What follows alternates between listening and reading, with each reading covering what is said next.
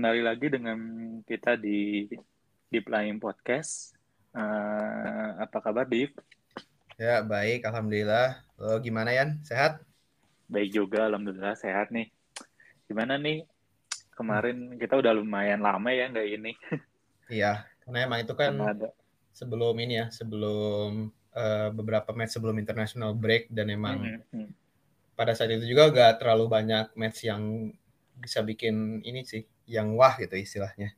Iya, belum ada yang wah. Dan ada international break juga kan ya kemarin lumayan lama tuh. Iya.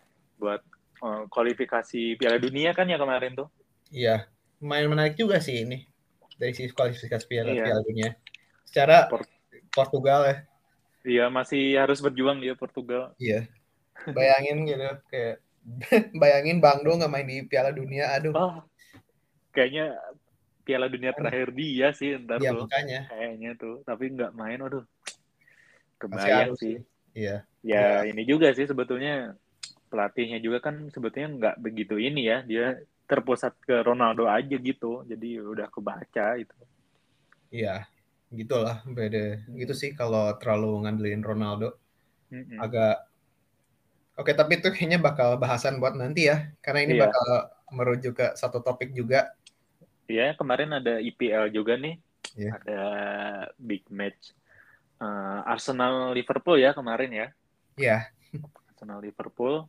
Terus ada kekalahan yang sangat memalukan dari MU mm-hmm. sama tim promosi. Lawan tim liga inilah.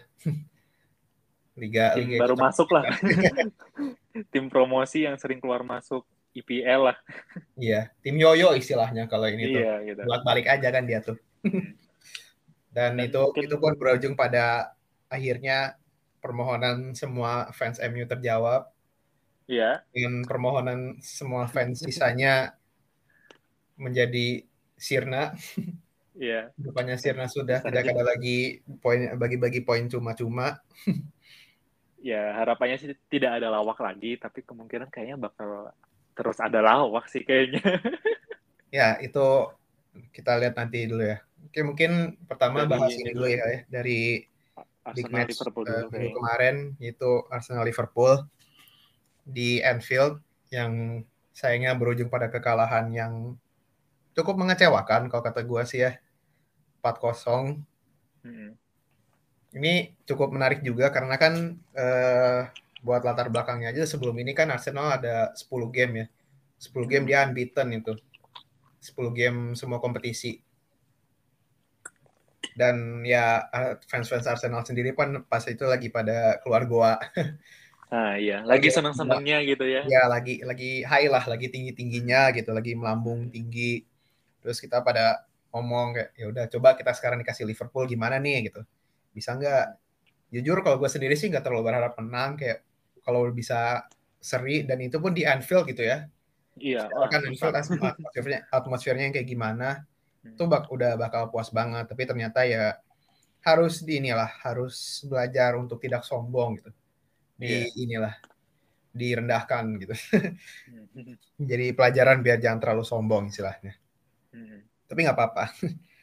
Emang Anfield tuh bakal selalu jadi tantangan sih kan yang penting kalahnya juga sama tim ini kan sama tim papan iya. atas bukan sama tim nah iya. Bukan yang sama tim tuh kocek uh, nggak nggak apa-apa kalau lawan tim besar gitu ya. Tim ya papan atas nggak apa-apa gitu. Tapi iya. lawan tim menengah sama tim bawah ya mau nggak mau harus menang gitu kan supaya iya. bisa mengamankan poinnya lah gitu. Emang itu tuh kuncinya tuh sebenarnya itu di konsistensi kan. Emang kayaknya nggak mungkin kalau menangin semua match tapi emang kalau misalnya ngincar minimal top 4 lah kayak lu harus perform di saat lu bisa gitu. Mm-hmm. jangan istilahnya kayak masa jangan sampai ada istilah keluar kayak masa kalah sama tim ini gitu. Nah iya. Kalah jangan sama, sampai gitu. Ya masa kalah sama tim A tim B gitu di saat mereka misalnya peringkat 17 peringkat 18 gitu. Mm-hmm. kalau misalnya kalah sama tim C yang emang dia peringkat 20 ya oh ya udahlah tim C gitu nggak apa-apa. Yang penting uh, minggu depan bisa lebih baik gitu. Ya ya oke. okay. Uh, kalau gitu kita langsung aja ya. Liverpool yeah. melawan Arsenal dari tim home-nya dulu. Uh, seperti biasa formasinya 4-3-3. Ini ada uh, perubahan yang cukup menarik ya. Di gol ada Alisson seperti biasa. Uh, dua center backnya ada Joel Matip dan Virgil van Dijk. Da, kalau biasanya kemarin kan uh, Joel Matip diganti digonta-ganti sama Ibrahim Konate. Sekarang mau coba menggunakan Matip dulu ya. Mungkin hmm. emang Matip ini akhirnya ini lebih konsisten bahkan ketimbang Van Dijk dia lebih konsisten. Hmm. Terus untuk uh, di back sayap uh, back kanannya ada ada Trent Alexander-Arnold seperti biasa dan di back kiri ada Kostas Timikas. Ini cukup menarik karena emang kalau gue lihat akun-akun fans Liverpool ya, mereka tuh pada bilang bahwa emang si siapa uh, Robertson Robertson ini emang akhir-akhir ini dia performanya menurun hmm. dan ya bagus lah kalau misalnya Klopp mau ngeganti gitu. Ini kok nggak salah cedera juga kan ya Robertson? Oh iya iya iya dia cedera hmm. untuk international break Hmm. Tapi maksudnya nggak terlalu ini sih. Coba di samping itu juga emang performanya lagi agak kurang sih. Iya. Dan di uh, midfieldnya ada pakai tiga midfield, uh, ada Fabinho sebagai holding DM ya, sebagai CDM-nya. Lalu ada Thiago dan Alex Oxlade-Chamberlain sebagai dua center central midfielder. Akhirnya ya Thiago dimainin lagi setelah sekian lama. Setelah kemarin juri juga ya. Iya, kemarin Thiago juga. ini cedera juga sih Tiago. Iya. Dan uh, untuk tiga forwardnya ada trio biasa kan Firmansah ya. Ini mah Jo Mansah. Hmm. Jo Mansah, Jota hmm. Jota sebagai striker di sayap kiri ada Sadio Mane dan di sebelah kanan ada Muhammad Salah yang kemarin karena golnya yang melawan Arsenal itu berhasil mencapai 12 12 atau 11 sih? 12 gol ya? Hmm. IPL ya? Kalau nggak salah 12 gol. Hmm. 12 gol. Dan saat ini masih jadi top scorer dan belum ada yang tanda-tanda yang tanda-tanda nyusulnya. Emang ini musim yang bagus untuk si Mo Salah ini.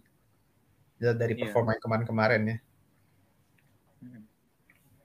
Oke, itu untuk tim Liverpool. Untuk tim Arsenalnya sendiri, di gol ada Aaron Ramsdale, ini salah satu rising star juga nih. Di satu orang-orang yeah. pada meragukan kayak ngapain sih beli kiper cadangan gitu, mending dipakai buat beli apa. Tapi semenjak performa pertamanya dia tuh nggak pernah mengecewakan istilahnya. Termasuk termasuk termasuk match yang ini sih kalau mesti jujur. Iya, yeah, iya. Meskipun kalau juga lumayan kan ya. Iya.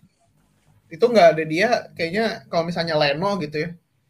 Bisa udah kebobolan berapa tuh? kosong gitu babak satu kayak udah lima kosong iya itu beberapa kali itu bahkan kayak Jota ya Jota uh, Thiago gitu depan gawang bisa langsung ditendang itu hmm. tapi ditahan sama dia ya itu untuk uh, kipernya Aaron Ramsdale untuk pairing center backnya ada Gabriel dan Ben White di uh, back kiri ada Nuno Tavares uh, masih starting ya dia uh, belum digantiin karena emang performanya bagus akhir-akhir ini. Sebelum match ini. Untuk yeah. uh, back kanan ada Takehiro Tomiyasu, Kapten Subasa. Hmm. Minamino juga ya. Jadi siapa nih Subasanya? Ada dua. Uh, Minamino kayaknya. oh iya, kan Minamino lebih inilah. di pemain tengah dia. Iya. Sayap kan dia tuh. Uh, Subasa itu ini sih lebih Subasa ke nomor 10 Subasa sih. CAM. Subasa CAM kan? Iya, CAM. Kalau iya. Minamino kan sayap dia. Iya. Ini kenapa malah jadi ngomongin Subasa? Lanjut. Oke, untuk uh, ini oh ya formasinya tuh 4-4-1-1 ya. Tadi kan untuk 4 back yang udah ada, untuk dua holding midfieldernya ini ada Albert Sambi Lokonga dan Thomas Partey. Untuk wide midfieldernya di sebelah kanan, di sayap kanan ada Bukayo Saka dan di sebelah kiri ada Emil Smith Rowe dan ini untuk uh, dua strikernya ada Pierre-Emerick Aubameyang dan Alexander Lacazette. Lacazette di sini lebih ke nomor 10 ya posisinya sebagai iya. either dia itu bisa dibilang attacking midfielder, bisa dibilang second striker juga. Dia kayak ya pokoknya di di belakang ini aja, di belakang Aubameyang dan kalau maju juga jadi sejajar posisinya. Ya kurang lebih seperti itu formasinya. Untuk matchnya sendiri ya Gimana? Mungkin dari lo dulu. Kalau gue panjang nih kayaknya. ya ini sih sebetulnya ya uh, Arsenal beruntung nih punya Ramsdale sebetulnya ya bisa lumayan juga banyak save-nya kalau iya. mungkin bukan Ramsdale kayaknya bisa udah kebobolan banyak gitu tapi ya memang kalau dari kualitas pemain sih ya Liverpool jauh lebih bagus oh, sih sebetulnya ya dari Arsenal. Kalau Arsenal kan masih ada banyak pemain baru gitu kan kayak hmm. ya Tavares, terus Tomiyasu. Jadi um, mereka mungkin baru kaget lah istilahnya baru kaget uh, pas lawan tim gede gitu. Tim hmm. besar kayak Liverpool pasti baru kaget tapi ini bisa jadi pengalaman buat mereka juga. Nggak apa-apa sekarang uh, ke, uh, kalah besar juga tapi yang penting bisa jadi pelajaran juga. Dan yang paling utama juga ya jangan sampai kepleset lawan tim-tim kecil sih sebetulnya. Iya. Maksudnya tim-tim yang peringkat bawah itu jangan sampai kepleset. Supaya iya. dapat poin lumayan banyak lah gitu. Ya yang penting itu sih. Terus emang kayak sebelum gol pertama yang mana ya yang dia itu tuh itu pun dari set piece gitu. Itu agak nyesek juga sih. Hmm. kayak bisa ini dari set piece tuh um, dia itu sebelum itu tuh emang dari itu lumayan imbang sih. Nggak nggak imbang-imbang banget sih. Emang banyak kan Liverpool yang nyerang. Tapi itu pun mereka kayak dibuat dibuat susah gitu. Si. Liverpoolnya dibuat kelabakan. Kayak beberapa kali Muhammad Salah ada chance tapi dia ditahan sama Ida Gabriel ataupun sama si Nuno Tavares. Terus ya itu pokoknya kan gara-gara Ramsdale itu semuanya masih bisa kosong-kosong gitu. Gitu sih. Hmm. Dan emang ya kalau secara defensif sih Arsenal emang ini ya emang udah bagus banget udah top gitu kan emang clean sheet-nya juga paling banyak. Tapi hmm. yang agak kurang tuh kemarin dari nyerangnya sih. Kayak Obama yeah. yang sama Lacazette nih agak nggak tahu ya, mereka tuh banyak uh, banyak ngilang ya gue lihat. Iya. Justru malah yang sering ngegolin dari Arsenal itu kayak Emil Smithrow sama Bukayo Saka nggak sih? Iya, mereka tuh banyak banyak dribble ke tengah gitu dan dribblenya tuh bagus. Mm -hmm. Kalau Oba tuh kayak dia tuh uh, first touch-nya sih yang agak yang agak hancur nih gue lihat-lihat ya. Hmm. Hmm. Dia juga kadang kayak uh, finishingnya juga jelek akhirnya ini. Hmm. Yang finishingnya masih agak bagus tuh Lacazette kalau gue bilang akhir-akhir ini. Hmm. Cuma itu pun dia kayak nggak terlalu banyak dapat servis, nggak terlalu banyak dapat bola, jadi susah juga. Dan sekalinya dapat bola itu pun langsung dihalangin. Either dia ngoper atau dia gagal nge-shoot gitu. Itu sih yang ini emang Arsenal tuh salah satu masalah utamanya sekarang tuh lebih di penyerangannya. Goal iya. difference-nya tuh jelek. Lebih ke penyerangannya ya. Mungkin sama biar ini juga sih kalau menurut gue ya. Ya pemain-pemain Arsenal kan baik pemain baru juga ya, biar adaptasinya nah, iya. juga. Nah, biar, iya itu, itu uh, emang lebih inilah. Mentalnya masih belum kebentuk juga sih. Ya betul, mentalnya. Nah ini kan emang juga. lumayan ya, kayak pasti mereka kaget lah datang ke Anfield gitu di saat iya. pemain Liverpool tuh kayak yang udah emang benar-benar ini banget lah udah klop hmm. banget klop pelatihnya klop dan memang Liverpoolnya juga lagi bagus-bagusnya juga kan ya Liverpool tuh uh, tapi sebelumnya kalah sih. Ya. sebelumnya kan kalah. Oh iya karena, iya. apa karena lagi ini ya? Apa karena emang lagi on fire aja ya? Kayak aduh kalah lagi on fire kayak sama mau balas dendam aja kayaknya. Iya itu. Wah, waktu itu kalah nih kita harus menang. biasa gitu. Terus uh, yang agak ini tuh ini sih dari taktiknya tuh emang kurang bisa kalau lawan Liverpool pakai taktik itu. Nah, Arteta iya. kan emang nah ini ini salah satu kelemahannya Arteta juga nih. Dia tuh emang kurang bisa adaptasi dan kemarin kan ya tau lah ya Arteta kan demennya main dari belakang gitu benar-benar bilangnya dari belakang dari mulai Ramsdale terus ke ke dua backnya terus ke ininya ke pemain sayapnya langsung ini ke tengah gitu kan terus langsung uh, ngepasing ngepasing gitu. Kemarin sebenarnya hampir tuh cuma ketahan sama ya kan emang susah lah kalau nembus Van Dijk sama Matip nih. Sama Fabinho juga dia jadi DM gesit banget sih. Hmm. Benar-benar posisinya bagus banget sih Fabinho ini. Tapi itu kayak seorang Arteta tuh kan emang tadi uh, dia namanya main dari belakang. Nah itu itu tuh sangat-sangat rentan untuk kena press. Dan udah iya. tahu ya udah tahu Liverpool kan ya Klopp apa gegen pressing ya. Jadi kemarin tuh kelihatan banget.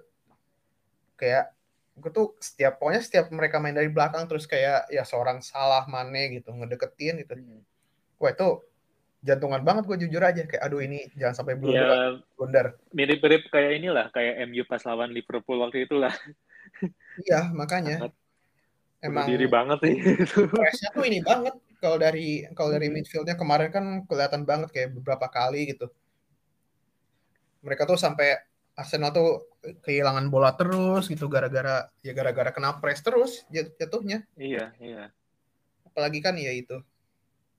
Ya, terutama yang gol ya, kedua ya yang dari siapa Jota itu kan gara-gara hmm. blunder juga ya si Tavares yang ini. Iya. Iya. Plus agak gue juga kurang ngerti kenapa kayak lawannya tuh kayak midfieldnya Liverpool kan tau lah ya tiga gitu. Mereka tuh malah pakai dua holding midfielder. Hmm, iya iya. Apalagi ya. apalagi sambil Lokonga gitu. Dia tuh agak susah di ini gitu. Hmm. Agak operanya masih agak kurang dan ya itu gampang dibikin kelabakan gitu. Dia tuh beberapa kali yeah. dibikin ya diacak-acak lah sama mainnya Liverpool tuh. Susah juga sih. Kalau kayak gini jatuhnya ya salah Arteta sih. Dia kurang bisa meng itu. Ya masih harus belajar lah masih iya. kurang bisa berpikir di tempat gitu, masih kurang bisa adaptasi. Hmm. Nggak kayak Tuchel ataupun Klopp gitu. Hmm. Tapi nggak apa-apa lah, bisa untuk belajar juga kan ya. Iya. Pemain-pemain juga bisa adaptasi juga, jadinya bisa tahu lah. Oh ini nih tim besar IPL nih, yang waktu itu pernah juara Liga Champions juga nih. Oh mainnya kayak gini gitu kan. Dia bisa ya. kebayang lah mereka gitu. Dia dapat pelajaran juga sih harusnya bisa gitu ya cuma ya ya udahlah terus yang satu lagi yang agak ini tuh yang kemarin tuh jadi lumayan jadi sorotannya yaitu kan uh, insiden antara Arteta sama Klopp Nah itu, nah ini baru rame nih kalau udah pelatih sampai iya. berantem gitu, udah udah itu paling tuh, rame ini sebetulnya gitu, udah panas gitu. Tapi gue lupa itu siapa yang mulai sih, Klopp ya kayaknya. Uh, Klopp duluan, Klopp, Klopp dulu kan mulai bilang, nah itu terus uh, kepancing. Gitu. Pancing, nah itu, gitu. Nah itu gue tuh itu yang bikin salah satu yang bikin gue salut sama Klopp juga nih ya. Iya. Ya itu dia tuh kayak dia tuh sebenarnya gak perlu ngelakuin itu, tapi dia tuh kayak pada saat itu kan masih kosong-kosong ya. Mm-hmm. Terus kayak ya emang kayak pemain Liverpool itu kayak benar-benar kena deadlock banget gitu kayak mereka tuh mm-hmm. banyak chance tapi nggak nggak berhasil ke eksekusi, mereka pusing mm-hmm. gitu kayak mm-hmm. mereka cuma bisa ini, ini doang terus kayak aduh ini mentok nih nggak kita nggak ada nggak ada jalannya nggak ada ujungnya gitu. Mm-hmm Cywar lah ya itu jadinya. Cywar langsung itu. Langsung Klopp nyerang. Tapi itu. Klopp nyerang, Artetanya panas gitu. Hmm. Udah deh. Dan yang sejak itu tiap... langsung deh. Ya gara-gara nah, itu jadi iya, pemain langsung pada panas. Langsung Gak. panas kan pemain-pemain jadi panas itu. Terus ya bisa dimanfaatin sama Liverpool jadinya jadi ini iya. Uh, bisa gol juga kan. Cuma pemainnya doang loh. Se apa supporternya juga langsung pada pada saat itu eh, langsung pada iya, panas. jelas. Iya. Jelas jelas itu. Itulah itu sih itu itulah kalau main di Anfield tuh kayak gitu sih. Hmm. The cop. gue harus gue rada ini sih rada ya tangan lah kayak uh, kondisi kayak gitu tuh high five kayak gitu tuh kayak ya gue tuh harapannya dulu kayak MU Liverpool ada panas-panasnya dikit gitu loh kayak ya ada berantem berantemnya dikit lah namanya rival gitu kan ya. Tapi iya. dia malah diam-diam adem-adem aja gitu. Kalau pas waktu itu MU Liverpool tuh ini mana ada panas-panasnya? gitu pelatih lo meye meye malah duduk oke itu nanti itu nanti ini tuh tapi ya, ini tapi... seru ini Liverpool Arsenal kan ada panas-panasnya gitu ya mm -mm. ya memang big match memang harus seperti itu seperti apa yeah. yang kayak dibilang Roy Keane juga kan kalau lu lawan rival tuh jangan terlalu baik lah gitu yeah. jangan sampai yeah. pelukan kayak gitu Iya, bukan mah nanti aja. Boleh lah di luar ini. Kayak sekarang kan Roy Keane sama Patrick Vieira kan udah temenan ya. Dulu kan berantem mulu, aduh jotos. Aduh jotos. iya. Ya udah ya, itu mah kan di luar itu. Kalau di luar mah temenan, kalau di dalam ya jangan iya. kasih ampun lah. Kayak ini ya ini. Tapi itu gue jujur baru baru pertama kali ngeliat Arteta sepanas itu ya bagus lah. Hmm Bagus sih. dia tuh ya maksudnya dia juga nggak terima kalau di bully Klopp begitu aja gitu. Mm -hmm. Pasti kayak ya bagus sih dan emang taktiknya Klopp berhasil juga dia tuh emang pengen mancing gitu. Iya. Yeah. Itu pengen mancing yeah. kayak oke, okay, gue harus bikin pemain gue semangat nih, gue harus bikin fansnya semangat gitu. Hmm. Nah, Kadang gitu. hal-hal kayak gitu juga penting juga sih buat ini gimana nih deadlock kita udah uh, pakai strategi yang bagus tapi tetap deadlock penting ya, banget hal, hal kayak gitu penting iya. juga gitu penting banget dan itu tuh saya bawa kayak gitu penting sih gitu. tapi masih diterima maksudnya ngerti gak sih iya iya masih kayak diterima gitu. pakai latih mental jadi gitu nah, cara itu tuh sebenarnya cara kotor maksudnya dia tuh sebenarnya gak perlu ngelakuin itu tapi dia ngelakuin gitu mm -hmm, iya. Kayak ya emang sebenarnya kalau lu pikir-pikir kayak tim-tim kayak City gitu Chelsea Chelsea sih Chelsea Liverpool gitu mereka tuh kalau main tuh makin sini kelihatan mereka tuh banyak main kotornya. Tapi hmm. tapi nggak nggak ilegal. Kayak contohnya kemarin kan Mane banyakin menang fall gitu banyakin ngefoul juga gitu. Hmm. emang bener kayak gue baca kemarin komen di YouTube ini emang lu tuh kalau mau sukses ya lu harus berani main kotor istilahnya. Harus kadang harus nekat lah harus berani ngambil risiko yeah, lah. yeah. dan harus tapi harus pinter juga. Mm-hmm. ya kayak itu contohnya kemarin kan Mane emang dia si Mane ini banyak menang banyak menangin fall dan tapi banyak ngefall juga. Mm-hmm. yaitu dia tuh emang harus ya lo harus gimana caranya biar permainan uh, ada di berpihak pada lo lah. Ya itulah makanya big match tuh selalu rame tuh ya yang ditunggu-tunggu yang kayak gitu sih sebetulnya. Iya. Yang ditunggu-tunggu tuh. Bukan Sekarang kayak tuh, apa ngoper-ngoper doang enggak gitu. Ya kayak gitu tuh yang sampai berantem berantem teko-teko kasar itu yang bikin seru malah. Sekarang tuh udah jarang kayak gini ya. Jarang uh, coba banget. coba masih di ini. Coba Mourinho masih di IPL ya. Wah. Rame itu. makin seru itu. Kayaknya kalau Mourinho udah itu. langsung kartu merah itu. langsung dikandangin kayaknya. kartu merah kandangin kayak pas di Madrid dulu. Langsung dikandangin. Pas dulu di MU juga kan dia gitu juga Mourinho. Lah kemarin juga waktu Bikin eh bukan kemarin. Juga.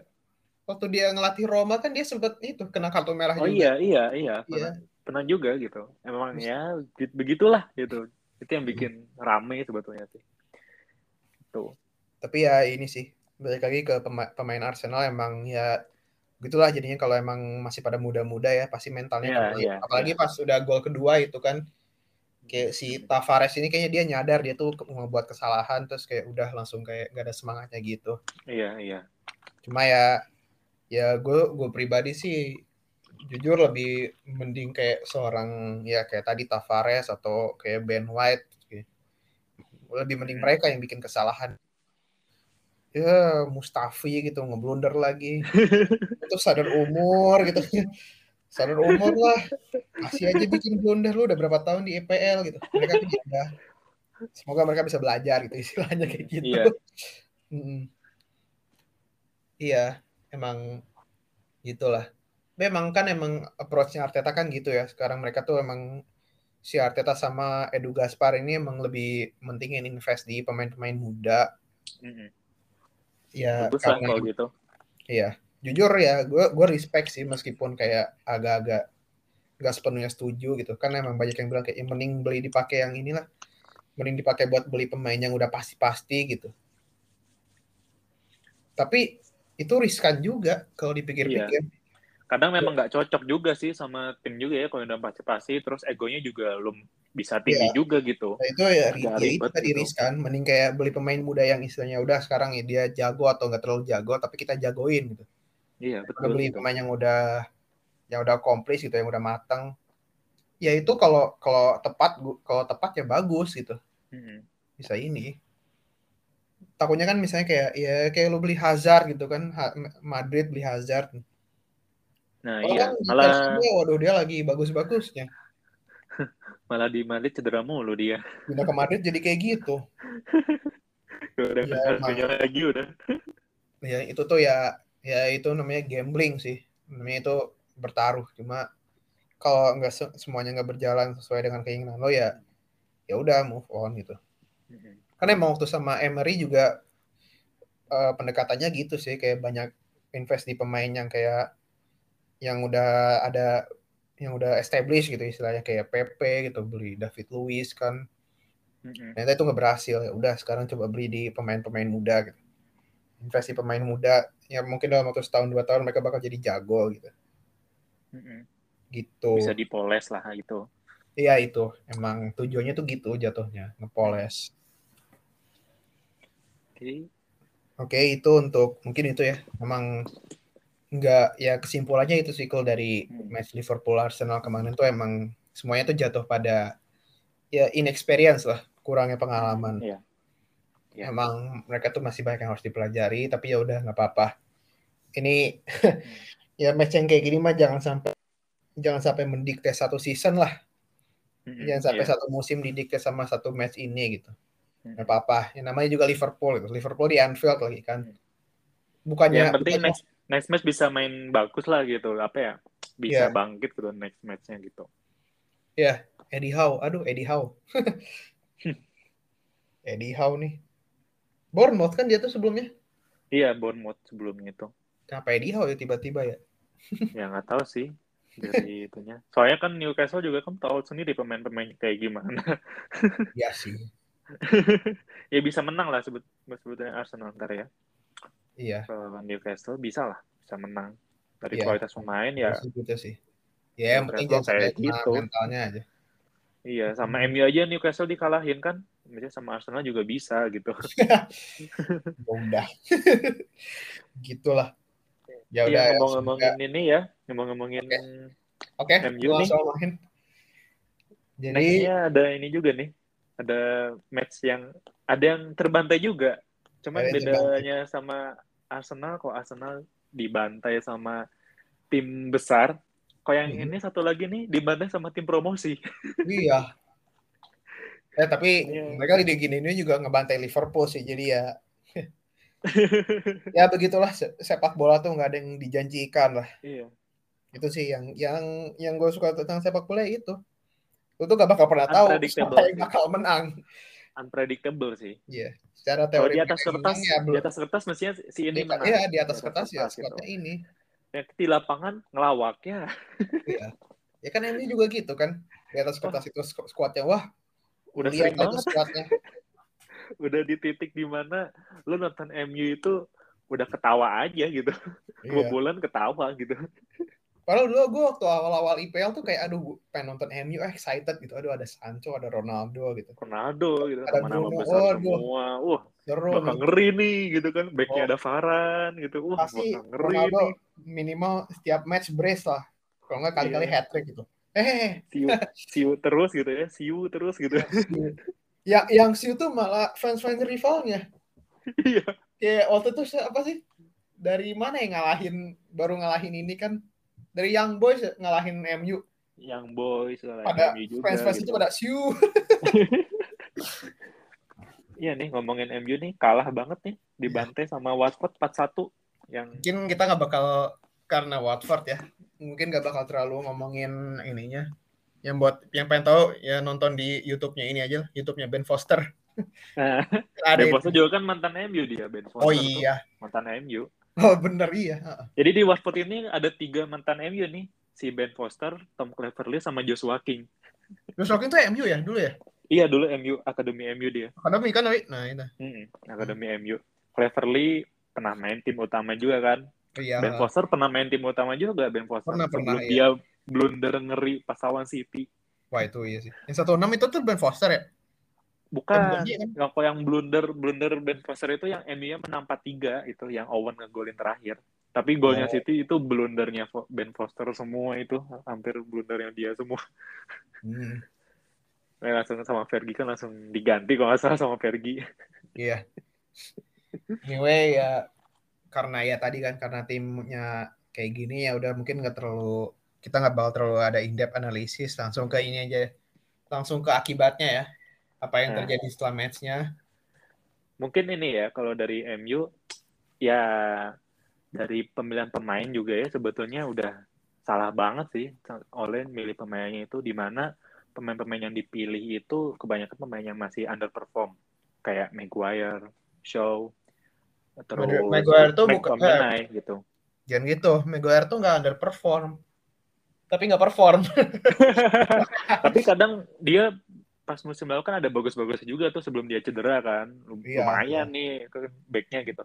Pas abis kemarin Euro masuk musim baru, ah mulai nih, mulai chaos gitu kan. Maguire show, terus McTominay juga kan lagi jelek banget, terus McTominay uh, Greenwood ya ini sih.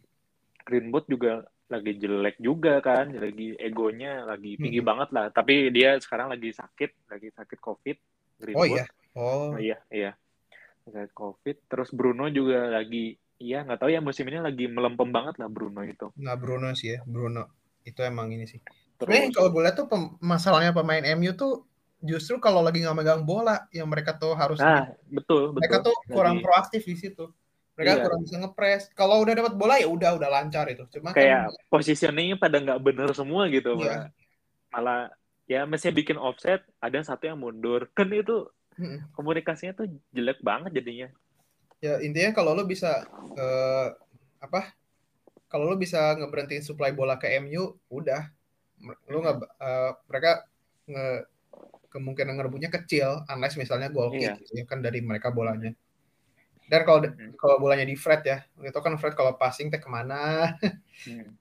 Tapi kemarin itu pas lawan Watford sih Fred nggak dimainin sih untungnya oh, iya. cadangan aja gitu Fred nggak dimainin gitu tapi yang dimainin kan McTominay McTominay lagi jelek terus mati kan udah lambat ya oh, Matic, Jadi pas Matic masih ada aja babak satu itu gila itu MU tuh benar-benar diobok-obok itu.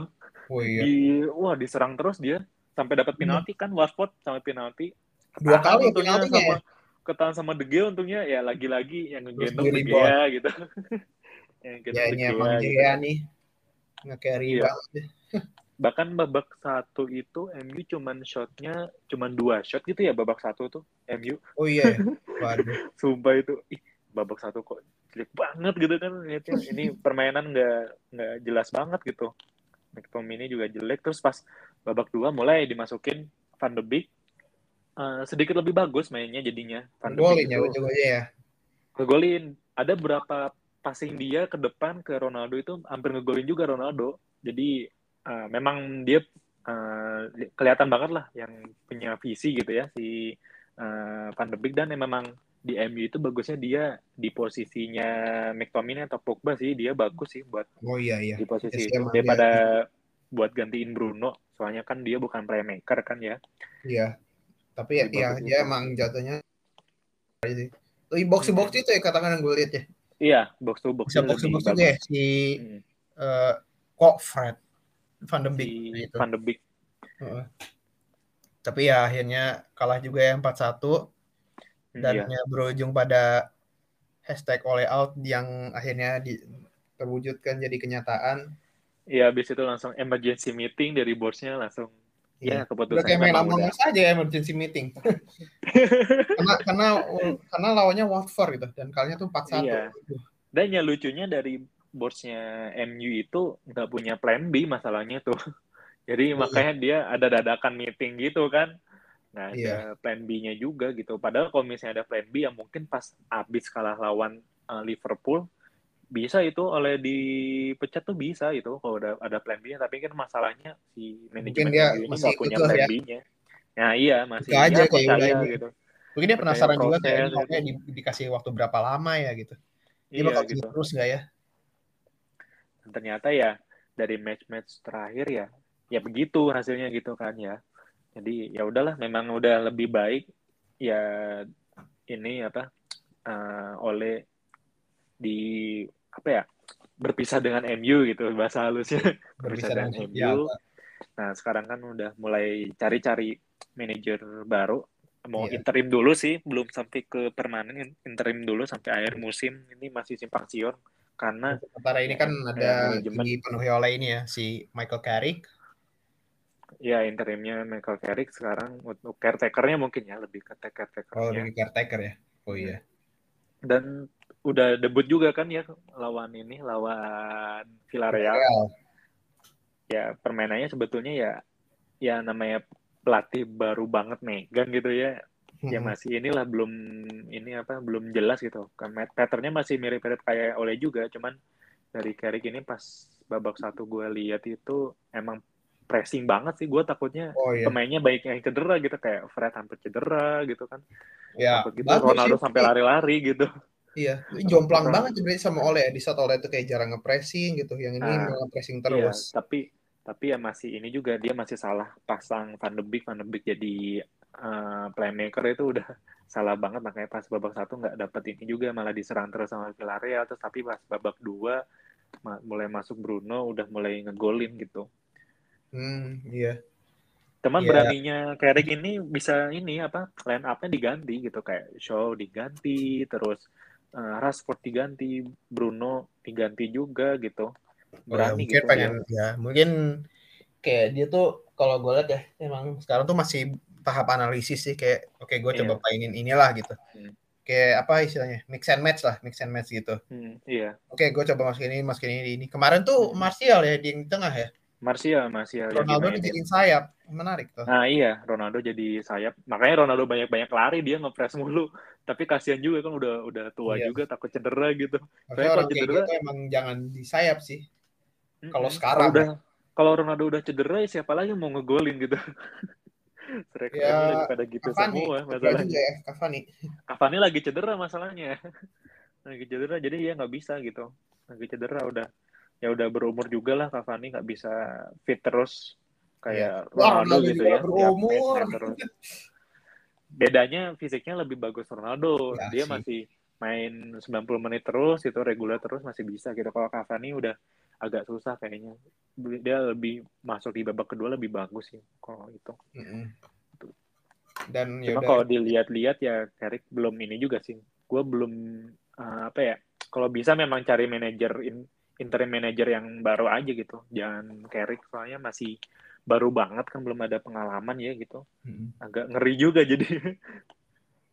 Dan ya kalau dilihat ya untuk manajer-manajernya nih uh, lumayan banyak juga nih yang kayak mengantri atau diantri ya, istilahnya. Gosip banyak. gosipnya banyak banget.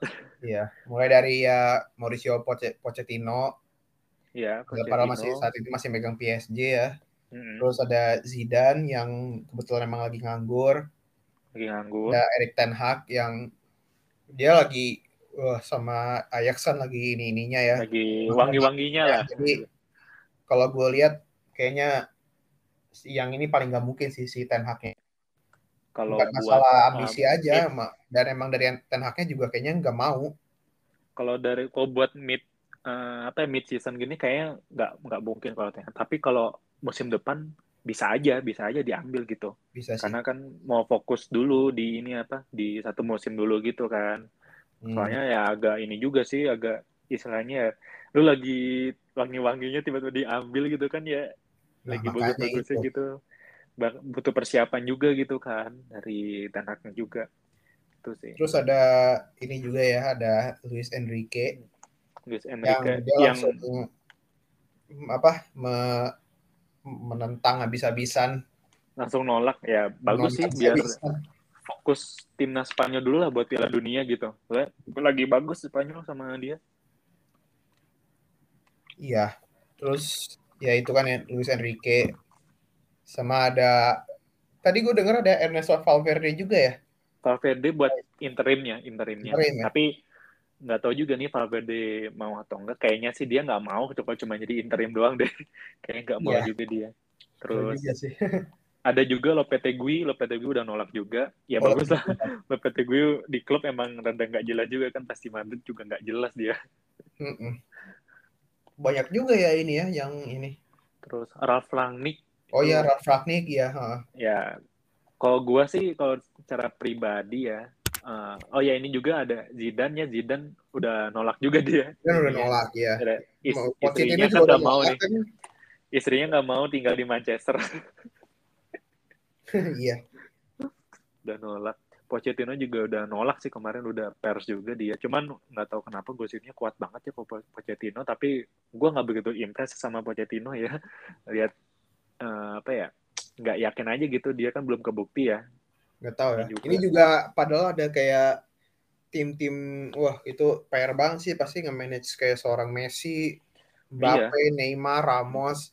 Iya. Ya ya on paper mereka bagus cuma kan wah pemain, pemain dari pemain itu. aja gitu pemainnya kualitasnya memang bagus aja gitu di ya, ya itu kan gitu. secara individual dan ya on paper wah ya lu di FIFA aja tim kayak gitu menang pasti atau iya. menang iya.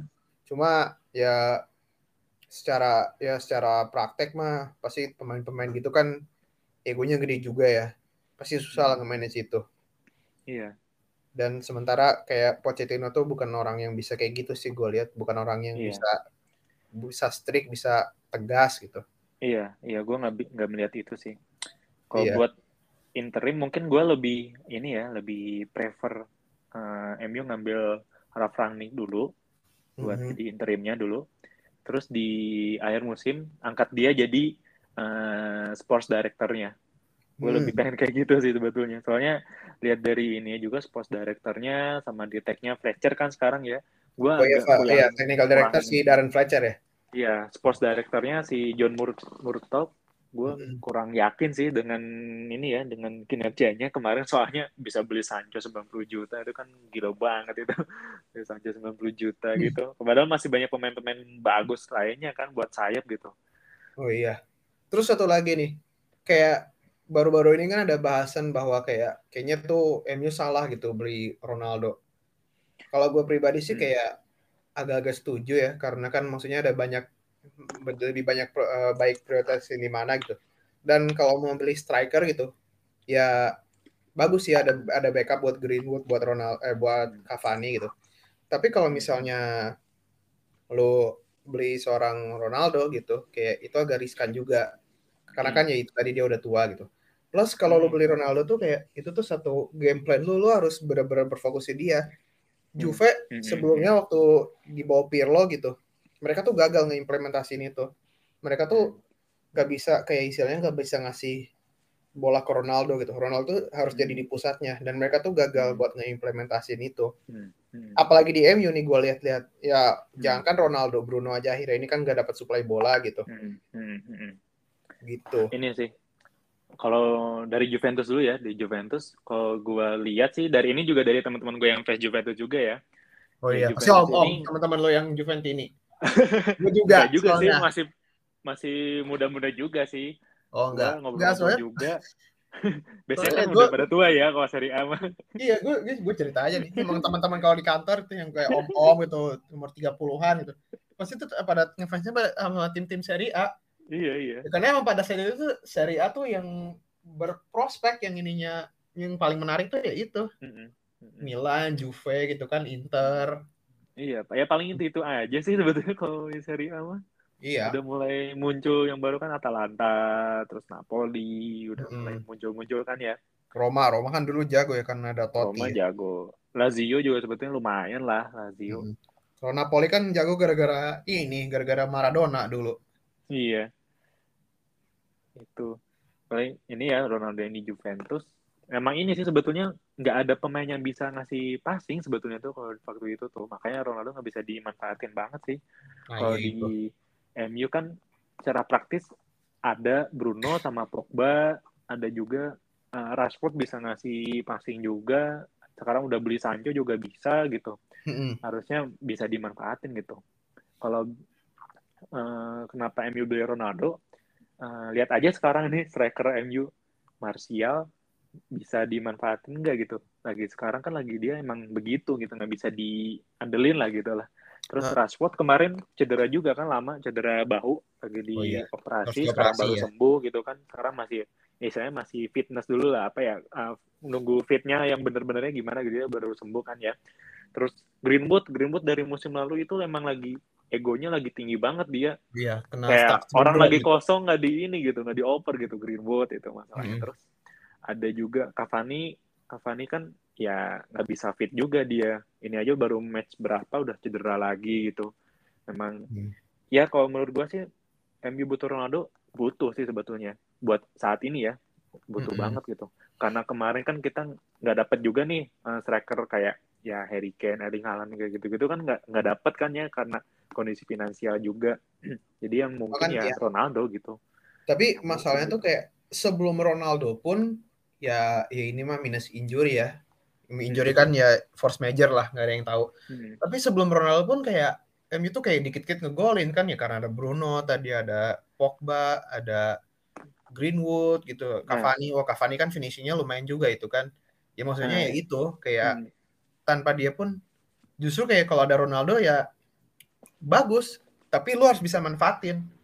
Iya, kayak, itu memang harus bisa manfaatin. Harus bisa manfaatin. Dan kalau misalnya lu beli dia, ya lu harus siap-siap pusing berarti. Lu harus siap-siap. Eh, soalnya kayak lu beli ah gimana ya umpamanya? Ya itu tadi. Hmm. Ya ini sebetulnya tugasnya Ole ini ya pemain-pemain yang kayak ya Bruno mungkin atau Greenwood atau Sancho atau Rashford oleh ini bisa nggak sih buat uh, marahin mereka gitu lu jangan ego lah gitu kasih bola kasih bola kasih bola kasih passing gitu bisa hmm. nggak hmm. gitu dan ternyata kan ya nggak terbukti gitu kan ya iya. tetap iya. aja mereka egonya tinggi emang ya kayaknya memang nggak nggak ini apa di sisi leadershipnya agak kurang juga si Ole gitu jadi hmm. nggak hmm. kelihatan Ronaldonya gitu ya mungkin beberapa kali ngegolin ya Ronaldo ngegolin ngegolin ya itu memang lagi posisinya dia enak buat ya, ngegolin gitu sekarang kan dia jatuhnya pocher ya Iya, kayak iya. dulu. Kalau dulu kan ya dia lebih lincah gitu, lebih banyak masuk iya. ke box itu dari sayap. Sekarang ya dia uh, ngandelin nunggu bola datang aja. Karena ya iya. udah emang udah nggak selincah dulu dan itu ya nggak apa-apa. Hmm. Cuma ya itu dan tadi. Ya, yang dan, bisa ini sih bisa kalau dari match kemarin-kemarin ya yang bisa ngeladenin Ronaldo itu malah ini si Sancho sama Van de Beek malah bisa dia gitu kayak hmm, iya. passing kayak pas lawan Watford kan lihat aja crossingnya Sancho ke iya. Ronaldo gitu kan. Terus Van de Beek ya, emang Sancho tuh tugasnya ngasih itu. passing gitu. Van de Beek ngasih passing gitu kan ke Ronaldo ngepas banget gitu. Dapat gitu Ronaldo gitu. Pas di saat Bruno lagi jelek-jeleknya gitu. Iya. Intinya adalah ya lu kalau beli Ronaldo orang-orang ekspektasinya pasti bakal tinggi lah. Yes, betul, ya Ronaldo betul. gitu dan orang tuh kayak pada lupa kalau misalnya kayak wah oh, Ronaldo tuh Mr. Champions League gitu. Iya, menang, iya. menang tiga Champions Champions League berturut-turut gitu. Mm -hmm. Iya. Lu nggak lihat timnya juga gitu. Iya. Lihatlah itu ada di midfieldnya ada ben, ah, Benzema kan jadi siapa? Ada Cross, ada Modric, ada Casemiro oh, iya, yang iya. yang operannya smooth banget gitu kan. Iya, iya bisa melayani Ronaldo mereka tuh iya, semuanya Benzema juga itu. bisa positioningnya bagus, bisa hmm, ngasih iya. bola ke Ronaldo juga. Hmm dan bisa as a team gitu mainnya gitu. gitu. Dia bisa nyari celah si Benzema-nya ini. Si itu juga kan. Mm-hmm, iya. Nah, ya udah. Terus istilahnya kayak kalau lu misalnya ini Ronaldo, ya orang-orang ekspektasi, ekspektasinya bakal tinggi. Mm-hmm, iya. Ya gue nggak tahu ya harapannya kalau musim depan beli striker siapa karena kan Cavani udah cabut ya kayaknya dia nggak perpanjang oh, iya. gitu nggak mm-hmm. tahu beli siapa gue sih harapannya beli yang pemain muda terus harganya masih murah tapi emang berpotensial gitu. Kayak dulu Cicarito kayak itu kan. Kita nggak tahu itu siapa gitu pemain dari mana gitu kan. Ternyata ngegolin terus gitu. Nah itu sih pentingnya gitu deh daripada beli pemain yang, yang udah gitu. uh -uh, penting daripada ini daripada beli pemain uh, bintang misalnya kayak Erling Haaland atau Harry Kane gitu kan. Itu malah nambah ego lagi juga gitu jadinya. Agak pusing iya. juga kalau misalnya pelatih yang nggak Gak bisa, bisa cuma ya ya pelatihnya sih gitu. ya lo hmm, jadi iya. pelatih harus man manajemennya harus ini banget. Iya iya iya betul, lu jangan jadi jangan jadi pelatih yang gampangan gitu kayak oh ya udah iya, iya, ini iya, iya. turutin. Ya iya, gitu. kayak Fergie sih. Iya wah Fergie mah susah lah kalau main jelek aja Beckham main jelek aja dilempar patu coba. Oh iya. Gak ada yang berani lah kalau sama dia nggak ada yang berani kalau sekarang nggak nggak bertahan deh. Maksudnya Fergie itu kalau sekarang kayaknya udah dia bakal pusing deh iya lihat pemain-pemain semua gitu. gitu. semua. Kayaknya dia nggak bakal beli pemain bintang juga sih kayaknya ya malah cari pemain-pemainnya. Ya masih eh, kita nggak tahu siapa gitu malah main bagus itu kayaknya sih. Kalau yeah. pemain-pemain bintang sekarang kan ya misalnya ya kayak Ronaldo lah dulu kan gitu. Iya iya.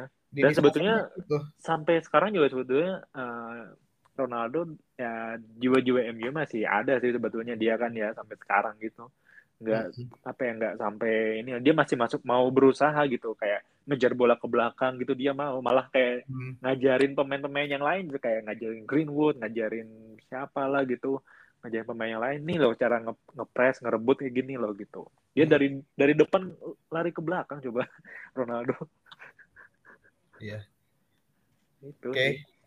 mungkin itu ya hmm. uh, tapi ya ditunggu dulu lah ini apa siapa manajernya ini akan menarik sih soalnya gosip-gosipnya emang rame banget.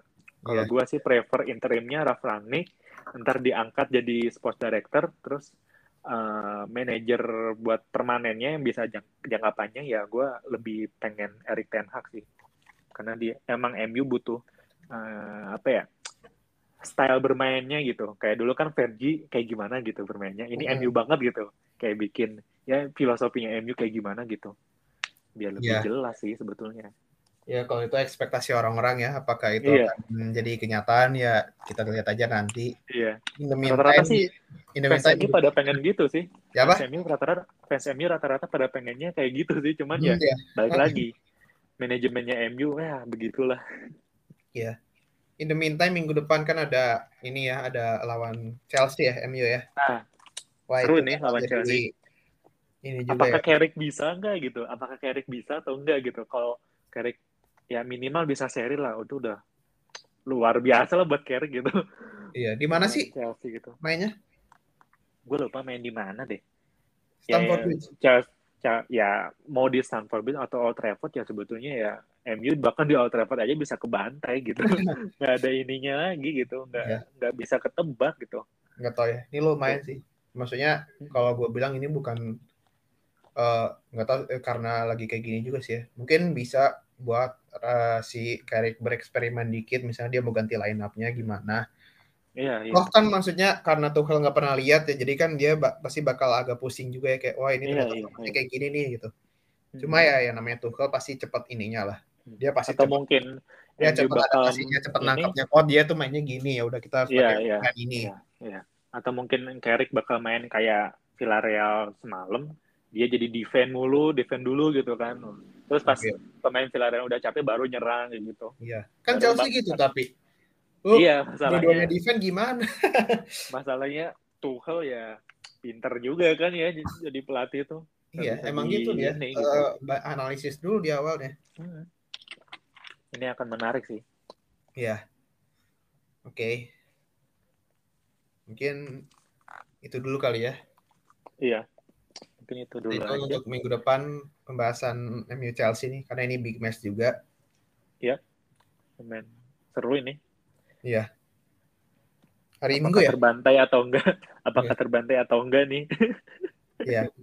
Bukan masalah apakah akan menang atau enggak ya, tapi akan terbantai atau enggak ya. Terbantai atau tidak. Iya. Kalah mah udah iya, pasti. Ya. Masalah terbantai Kalah mah. Ya. Iya. Gue bisa bilang ya lawan Chelsea besok kemungkinan sih MU kalah sih. Chelsea bakal menang kayaknya gitu. Iya. Tapi kan Maguire lagi kartu merah ya. Nah, Maguire kartu merah nggak tahu nih backnya siapa. Gue sih lebih prefer ya pasang. Ya mau nggak mau ya Bailey Lindelof sih, soalnya Varane cedera juga. Oh, Varane masih cedera ya? Oh, iya. Cedera juga. Waduh. Narik nih. Ribet makanya. Kita lihat ya. Karena kan susah juga ya dapat chemistry-nya. Apalagi Bailey. Iya. Agak ya. ini. Ya, tapi kalau Bailey lagi on fire ya gila-gilaan dia. Iya. Jadi kalau lagi on fire. Lu ngomongnya gitu mulu. Tadi Maguire juga lu ngomong gitu. Maguire kalau lagi on fire gila. Iya, memang memang itu. Enggak, masalahnya tuh itu. Sekarang lagi enggak gitu. Kalau musim Jadi musim jangan kalau-kalau. musim lalu kan kalau Maguire tuh ini apa musim lalu emang ada fase-fase di mana dia lagi bagus gitu. Iya. Musim lalu itu lagi on fire-nya dia gitu. Tapi pas udah cedera terus Euro ya balik lagi ke setelan pabrik. hmm, ya. Yeah. Oke. Okay. Oke, okay, paling itu aja. Mungkin ya minggu depan ada big match juga. Kayaknya bakal ada pembahasan juga yeah. dari Chelsea MU. Stay Mungkin itu aja. aja. Stay tune aja ya. Mungkin itu aja uh, untuk episode kali ini. Terima kasih buat yang mendengarkan dan uh, sampai jumpa di episode uh, berikutnya.